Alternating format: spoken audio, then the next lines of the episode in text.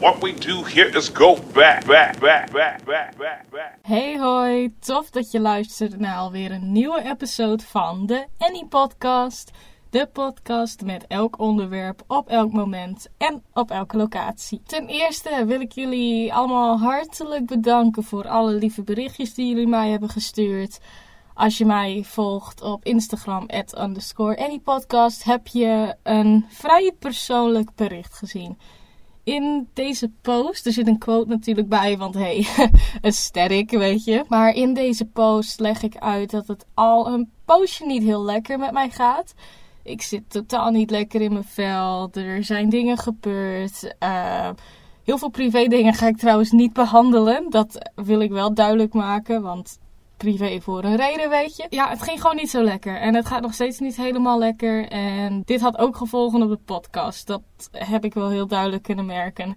En jullie ook wel. Ik kreeg van jullie wel berichten wanneer een podcast wat meer, ja, wat meer een beetje mij voelde. Het vleugje merel wat bij heel veel episodes ontbrak. En ik ben ook heel blij dat jullie die feedback naar mij sturen. En wees ook vooral niet bang om dat te zeggen. Weet je, alle feedback is prima. Negatief, positief. Alles kan ik gebruiken. En dat zette mij wel heel erg aan het denken. Van, oh, dus je merkt gewoon dat het niet goed gaat. En dat vind ik vreselijk dat je dat kan horen in een podcast, in een product, in een dienst, uh, hoe je het ook wil noemen. Waar ik hartstikke hard aan werk en waar ik gewoon trots op wil zijn. En dat dat helaas is gebeurd, vind ik jammer. Ik ga ze niet verwijderen, want het is allemaal onderdeel van het proces dat je leert ontwikkelen natuurlijk. En ik vind het ook niet erg in de zin dat je kan horen dat het beter gaat.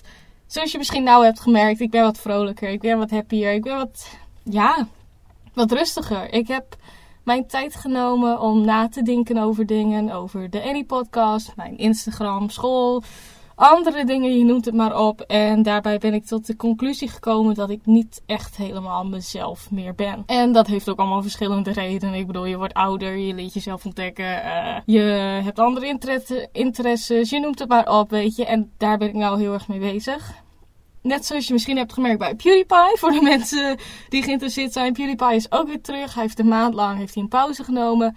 En hij uploadde laatst een video over. Het was heel filosofisch. En het ging erom dat hij was beroofd, zeg maar. Zijn huis in Japan was dus beroofd. En er waren hele specifieke dingen gestolen. En daar ging het hem niet om. Het ging er uiteindelijk om dat hij meer ging nadenken over zijn eigen leven. En wat hij nou eigenlijk belangrijk vond en wat niet. En dat ben ik nou eigenlijk ook aan het doen. Ik ben van plan een project op te starten waarvan ik denk dat het mij heel erg goed gaat doen. Het heeft geen gevolgen op de Annie podcast, totaal niet. Dat laat ik ook absoluut niet gebeuren, maar het is wel onderdeel van iets waar ik eigenlijk al ja, een poosje mee zit en waarvan ik weet ik kan daar veel beter uit de voeten komen. En dat is misschien het platform, het moment om mezelf te kunnen zijn. Dus dat wilde ik sowieso nou even behandelen. Het is, uh, dit is niet de hele podcast trouwens. We gaan het niet hebben over die Insta-post de hele tijd. We gaan het niet over negatieve dingen hebben, want dat wil ik totaal niet meebrengen in de Annie podcast. Ik wil jullie gewoon hartstikke bedanken daarvoor. Ook de mensen die nu nog reageren, mensen die mij steun aanbieden, mensen die aanbieden om een gesprek aan te gaan of zo. Of als er wat is dat ik altijd bij hen terecht kan komen. Jongens, hartstikke bedankt dat jullie mij die ruimte geven. En ook wil ik mijn docenten bedanken dat ze ja, wel hebben gereageerd en gewoon aantonen van hey, het is prima, het is heel dapper dat je dit doet. En ja, dat voelt amazing. Dus ik wil iedereen hartstikke bedanken voor de support die ik heb gekregen. Nou, dan zou ik zeggen, laten we beginnen. Je zult je misschien afvragen na dat hele emotionele of persoonlijke bericht. Waar gaan we het nou over hebben? Gaan we het over school hebben? Gaan we het over sport of zoiets hebben? Gaan we het over iets hebben waar je mee zit? Nee, absoluut niet. Ik heb besloten om het vandaag over iets te hebben wat al een poosje aan de gang is. Vooral op internet. Dit moest gewoon gedeeld worden, want het is onderdeel van mijn jeugd. En als je je natuurlijk afvraagt, oh, het gaat al een poosje rond op internet, is het een meme? Absoluut niet, maar het is wel een meme geweest. Ik heb het namelijk over Sonic. Ja, Sonic. Iedereen kent Sonic. Sorry dat ik het zeg, iedereen kent Sonic. Of je nou van 1960 bent of van 2002 je weet wie Sonic is. Want Sonic is een vrij bekend figuur, net zoals Mario natuurlijk. Je weet ook dat hij een gamefiguur is en je weet dat hij blauw is. Dat is een given. Maar als je in 2019 een beetje hebt opgelet op social media, weet je ook dat er een film kwam van Sonic. En ja, ehm, het design, ehm, dat is iets wat we niet weer willen bespreken. Maar dat gaan we vooral nu doen. Als je op de Instagram pagina van de Annie Podcast, again, at underscore Annie Podcast gaat kijken. En je gaat op de highlight podcast items kijken, dan zie je een post staan van Sonic met een oud en nieuw design. En als je de post dus hebt gezien of je hebt hem nou voor je, dan zie je dat er enorm veel is veranderd. En natuurlijk wil ik het over de film hebben, want ik heb hem gezien. Wel duidelijk maken, ik heb hem in het Engels gezien. Hij is er ook in het Nederlands. Maar ik vind als zo'n film uitkomt, je moet hem in het origineel zien. Punt uit. Dat vind ik gewoon. En ik kan goed Engels, dus ik heb geen reden om naar de Nederlandse te gaan.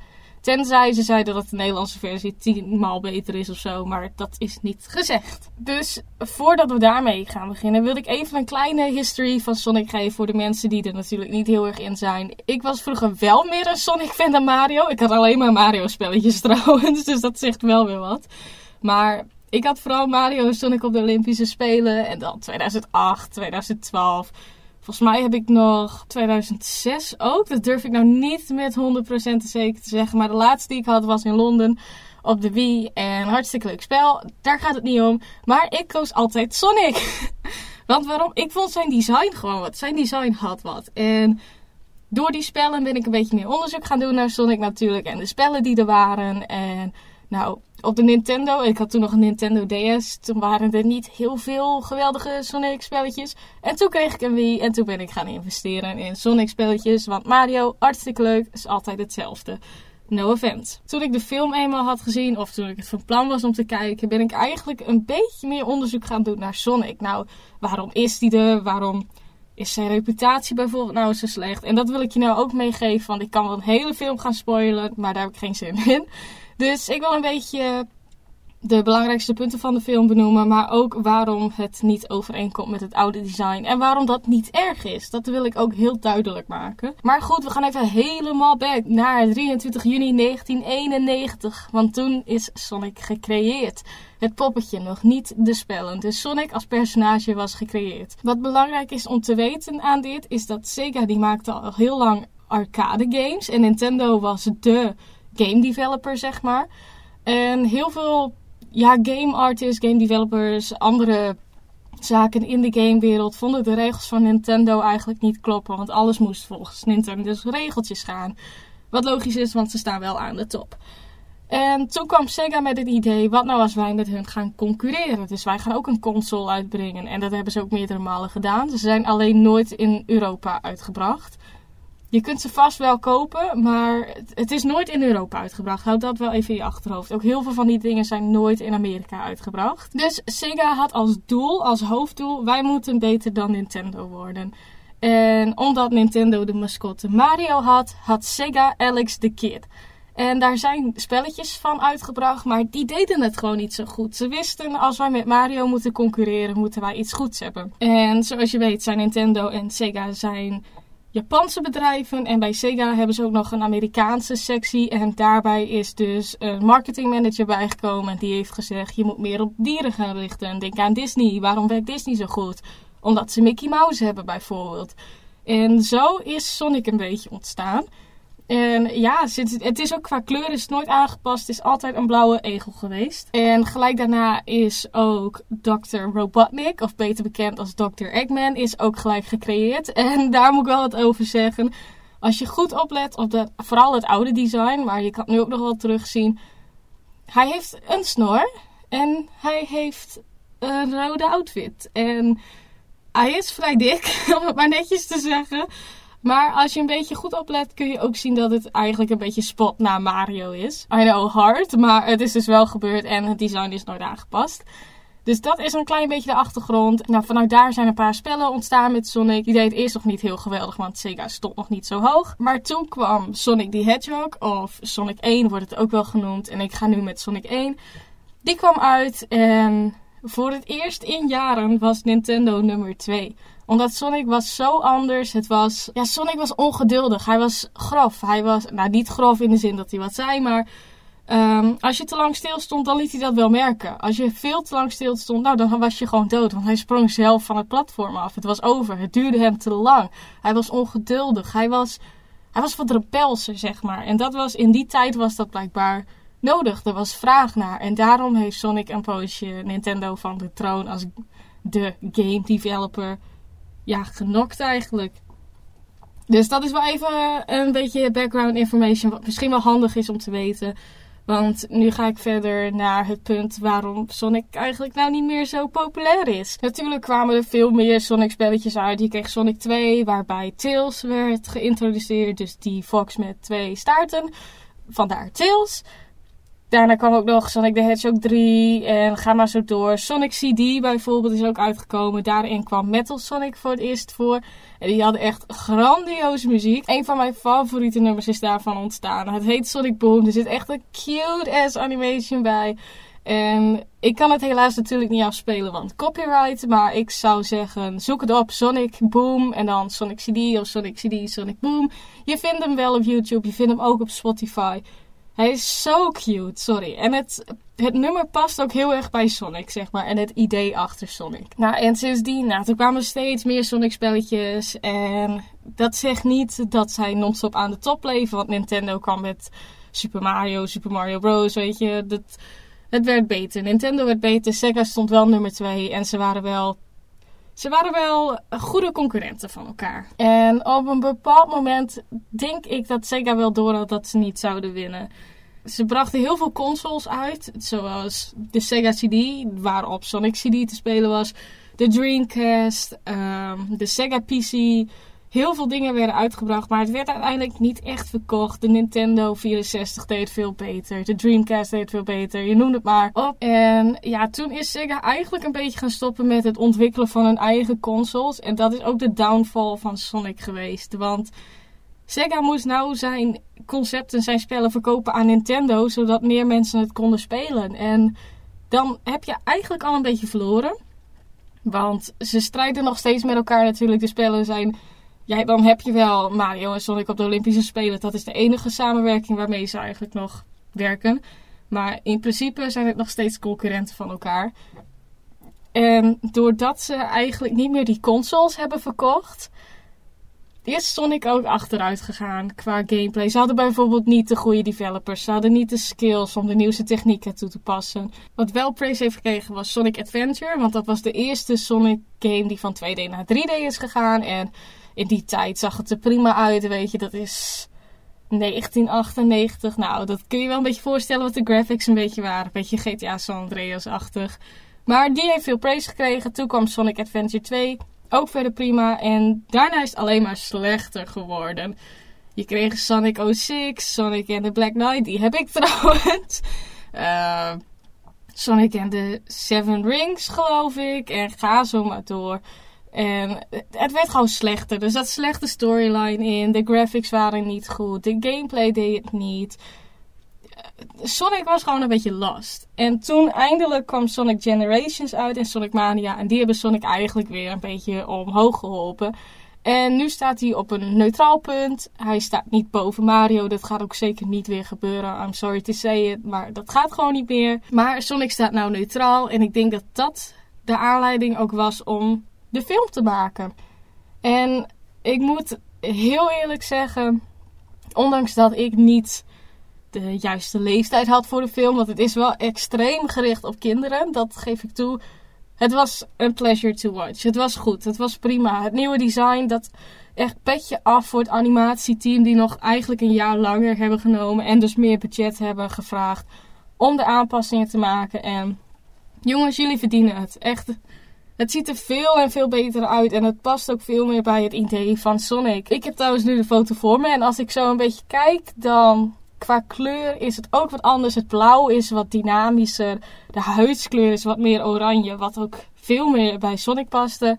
En de oogkleur is ook veel groener en ja, sowieso de neus, de mond, de tanden. Alsjeblieft, dat is eindelijk aangepast. Thank you so much. Het ziet er gewoon beter uit.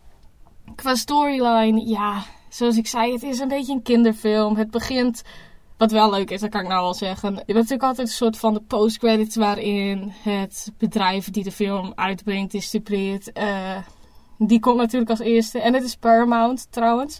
En als je Paramount kent, dan heb je natuurlijk allemaal van die sterretjes die over het water gaan en die komen over de berg. En in plaats daarvan hebben ze nou ringen gedaan, wat zeer origineel was. Het begon een beetje met een baby Sonic en kleine Sonic die door een soort Green Hills-achtige zone rende. Het was een eiland trouwens, maar het had wel de vibes van Green Hill en de loopsy loops en hoe je het ook wil noemen. En natuurlijk was hij snel. en ja, dat vind ik persoonlijk een beetje cliché en heeft niet heel veel met Sonic te maken. En dat maakt het een beetje kinderachtig, maar je kijkt er doorheen, want het is gericht op kinderen natuurlijk. En wat dan wel weer raar was, is dat hij een soort van adoptiemoeder heeft dat een L is. En die L kan ook allemaal dingen, weet je. Het was een beetje vergezocht, dat geef ik wel toe. En omdat hij zo snel kan rennen, zijn er een soort van Knuckles lookalikes. Die willen zijn power hebben, zijn kracht om zo snel te kunnen rennen. En nou ja, die proberen hem te pakken. Dat is al eigenlijk in de eerste vijf minuten, dus het gaat vrij snel. Maar ik denk ook als je meer je target audience is, ook kinderen, daar moet je ook gewoon snel mee zijn. Je kan niet te lang over dingen nadenken. Dus in die zin, als je kijkt vanuit een kindperspectief, ja, het was prima zo. Wat ook leuk was, ze hebben wel gebruik gemaakt van de ringen. Echt, thank God. Want als je die had weggelaten, dat is het iconische aan Sonic natuurlijk. Dan had je een groot probleem gehad. En in plaats dat hij ringen moet verzamelen om in leven te blijven of zo. Want dat is vooral met de spelletjes natuurlijk zo. Gebruiken ze nou de ringen om van de ene dimensie naar de andere dimensie te gaan. Dat is ook weer een beetje vergezocht. Maar het is wel een leuk concept voor die ringen. Dat je toch nog gebruikt. Nou, en dan komt Sonic in de mensenwereld. Daar groeit hij ook op. Hij groeit wel alleen op. En dat is ook een beetje het hele thema van de film. Sonic is alleen en hij wil een vriend hebben. En ja, dat, weet je, voor mij was dat geen Sonic meer in die zin. Maar het maakt niet uit, zoals ik zei, het is gericht op kinderen. En voor een kinderfilm, eh, echt sprekend op kinderen. Ik denk dat kinderen het goed kunnen vermaken. Die zullen het echt leuk vinden. Voor de wat oudere audience en de mensen die opgegroeid zijn met Sonic, vooral de oudere Sonic, was dit niet zo leuk. Sonic groeit dus op bij de mensen. Hij kijkt een honkbalspel, want het is natuurlijk een Amerikaanse film. Het is een Amerikaanse productie, dus het gaat ook uber-Amerikaans lijken. Dat is wel een minpuntje in mijn opzicht. Dat vond ik weer wat minder. Maar oké, prima, het zal wel. En dan creëert hij een stroomstoring omdat hij emotioneel is. En blijkbaar geeft hij dan veel meer energie af. En daardoor is het een hele stad zonder stroom op bepaalde momenten. En omdat dit uit het niets gebeurt, wordt het leger er natuurlijk bij betrokken. En die gaan de hulp inschakelen van Ivo Dr. Robotnik. En die wordt gespeeld door Jim Carrey. En je kon niemand beter vragen dan Jim Carrey voor deze rol. Dat moet ik ook zeggen, Jim Carrey is wel de main performance. Hij is wel iemand die. Het, het is niet echt Dr. Robotnik of Dr. Eggman, dat niet meer. Het is een jongere versie en natuurlijk iets meer kinderachtig. Maar hij is wel echt goed, jongens. Hij is amazing. Wat hij kan doen met zijn gezicht en zijn lichaam, echt petje af Jim Carrey, een goede rol voor jou. En wat dus wel weer leuk is dat ze wel Dr. Robotnik gebruiken in het begin, omdat dat een referentie is naar de allereerste Sonic spellen, want zo heette Dr. Eggman Dr. Robotnik. Nou, Dr. Robotnik gaat dus op zoek naar Sonic, want hey, je moet wel de oorzaak vinden van de stroomstoring natuurlijk. En Sonic komt dan bij een mens in huis terecht. Hij wordt genoemd Donut Lord, wat ik dan weer een beetje ja, het is kinderachtig, maar oké. Zoals ik al eerder zei, het is gericht op kinderen. Die gaat hem dus helpen. Die wil ze helpen met zijn ringen terug te brengen. Want zijn ringen zijn gevallen. En die liggen dan ergens in San Francisco. En die moet ze weer ophalen. Dus het is eigenlijk gewoon een heel roadtrip verhaal. Sonic en dit persoon krijgen, creëren een band. Ze gaan allemaal rare dingen doen. Zoals ze gaan bepaald eten halen. Ze gaan naar een bar waarin je Sonic eigenlijk kan zien dat hij tijd kan stilzetten. Dat was ook iets waar ik een beetje confused over was. Maar dat kan dus. En het is wel leuk gedaan. Verder daar niet van. En dan natuurlijk heb je Dr. Robotnik die hen elke keer probeert uit te schakelen of Sonic probeert te pakken. vrij logisch. Uiteindelijk komen ze aan in San Francisco en dan willen ze de ringen terugpakken. En natuurlijk is Dr. Robotnik veel en veel sterker. En je hebt de classic fight van... Oh, de held rent weg en Sonic gebruikt alle ringen om van ene dimensie een andere plek naar de andere te gaan. Om zo ja, minder chaos te creëren in San Francisco. Het is een keer wat anders dan New York. Dat was wel het eerste wat mij opviel, want zoals Avengers en zo speelt zich altijd af in New York. Dus thank you voor een andere stad. Maar het is wel hetzelfde. Maar dat maakt niet uit, het was nog steeds leuk. Nou, uiteindelijk door de power of friendship, natuurlijk, weet Sonic Dr. Eggman te verslaan. En Dr. Eggman die eindigt dan uiteindelijk in een paddenstoel ja, realm, dimensie, hoe je het eigenlijk ook wilt noemen. Eigenlijk gewoon een eiland vol met paddenstoelen. Daar is hij dan helemaal alleen. En Sonic blijft op aarde bij de mensen. En hij wordt een soort van geadopteerd in het leven van de mensen die hij heeft bevriend. En daar gaat hij dan ook wonen. Dat was dan een beetje in mijn, ja, mijn mening, het was veel te ver gezocht. Dat voelde echt als de classic American family story. Maar als dat jouw target audience is en het werkt, joh, blijf het vooral doen, weet je. Dat ga ik niet over oordelen. Zoals ik zei, ik was er eigenlijk het meest voor het character design. Daar was ik echt heel erg benieuwd naar. En ik ben ook heel blij dat het er gewoon verder goed uitziet. Er zitten geen glitches in. Het ziet er niet raar uit. Het ziet er gewoon natuurlijk uit. En daar ben ik gewoon heel dankbaar voor. En qua design was het voor mij Sonic. Maar qua storyline was het niet echt Sonic. Maar ik heb me wel vermaakt in die twee uur dat de film duurde. Ik vond het prima, ik vond het leuk. Ik moet wel eerlijk zeggen, ik kan hem maar één keer kijken en dan is het klaar. Dan is de fun er een beetje voor mij vanaf. Maar misschien hardcore Sonic fans of als je zelf kinderen hebt of misschien een jonge broertje of zusje ga je dit vaker zien en vind je het hartstikke leuk. Ik vind het zeker waard om erheen te gaan. Ik zou hem ook één keer kijken. Het liefst in het Engels. De Nederlandse versie heeft Najib Amali als Sonic. Als dat jou trekt, ga vooral heen. Ik zou zeggen, doe het wel in het Engels, want heel veel referenties die worden gemaakt zijn wel naar Amerikaanse popcultuur. Dus je hebt ook. Dat was pure cringe, I'm sorry. Maar Sonic deed de Backpack Kid dance. En dat vond ik cringe, maar het zal wel. Voor kinderen is het leuk natuurlijk. En daarna heel veel Star Wars referenties, Star Trek. Dus in die zin is het wel beter als je het in het Engels gaat kijken. Dan zul je natuurlijk afvragen wat had ik verwacht van de film. Nou, de trailer zelf was verder prima. Ook de oude trailer. Um, wat ik beter vond passen trouwens, want de nieuwe trailer heeft wat meer gebruik gemaakt van de Sonic muziek, zoals Green Hill Sound en zo. Wat ik beter vond aan de oude trailer was de keuze voor Gangsta's Paradise. Want dat past meer bij Sonic's character, bij zijn oude dan.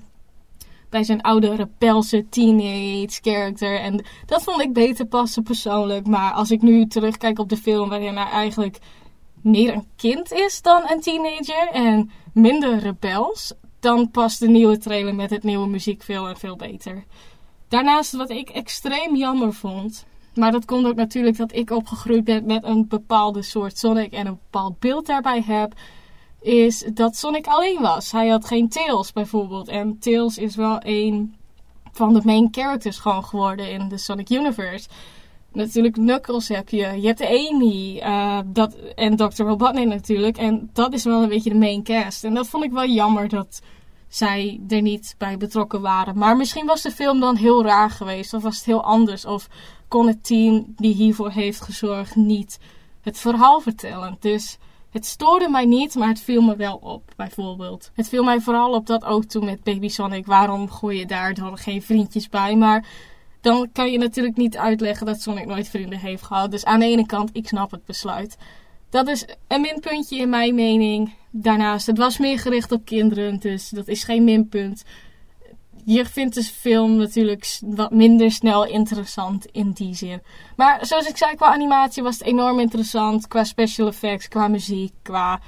Eigenlijk ook wel qua emoties die zij hebben gecreëerd op het gezicht van Sonic. Dat vind ik altijd enorm interessant in zulke animatiefilms. Want je hebt de kans om het gezicht zo te manipuleren dat zij jouw gewenste expressie kunnen tonen. Daar is verder goed gebruik van gemaakt. Het was niet overdreven, het was niet moeilijk te lezen.